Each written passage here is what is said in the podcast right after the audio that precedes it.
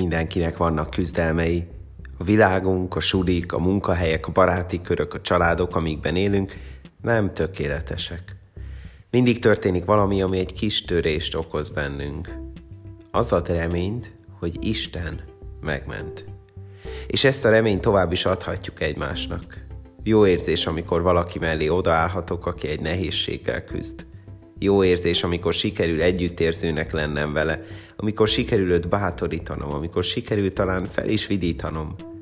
Jó érzés, amikor hetekkel később visszautal erre, és megköszöni, hogy figyelmes voltam vele.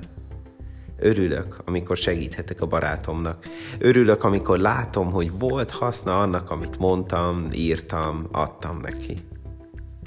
Amikor úgy érzed, hogy valakinek kéne mondanod valami bátorítót, oda kéne ülnöd mellé, ne habozz, a benned levő Szentlélek indít erre, hiszen szeretné, hogy ne kelljen egyedül cipelnünk a terheinket.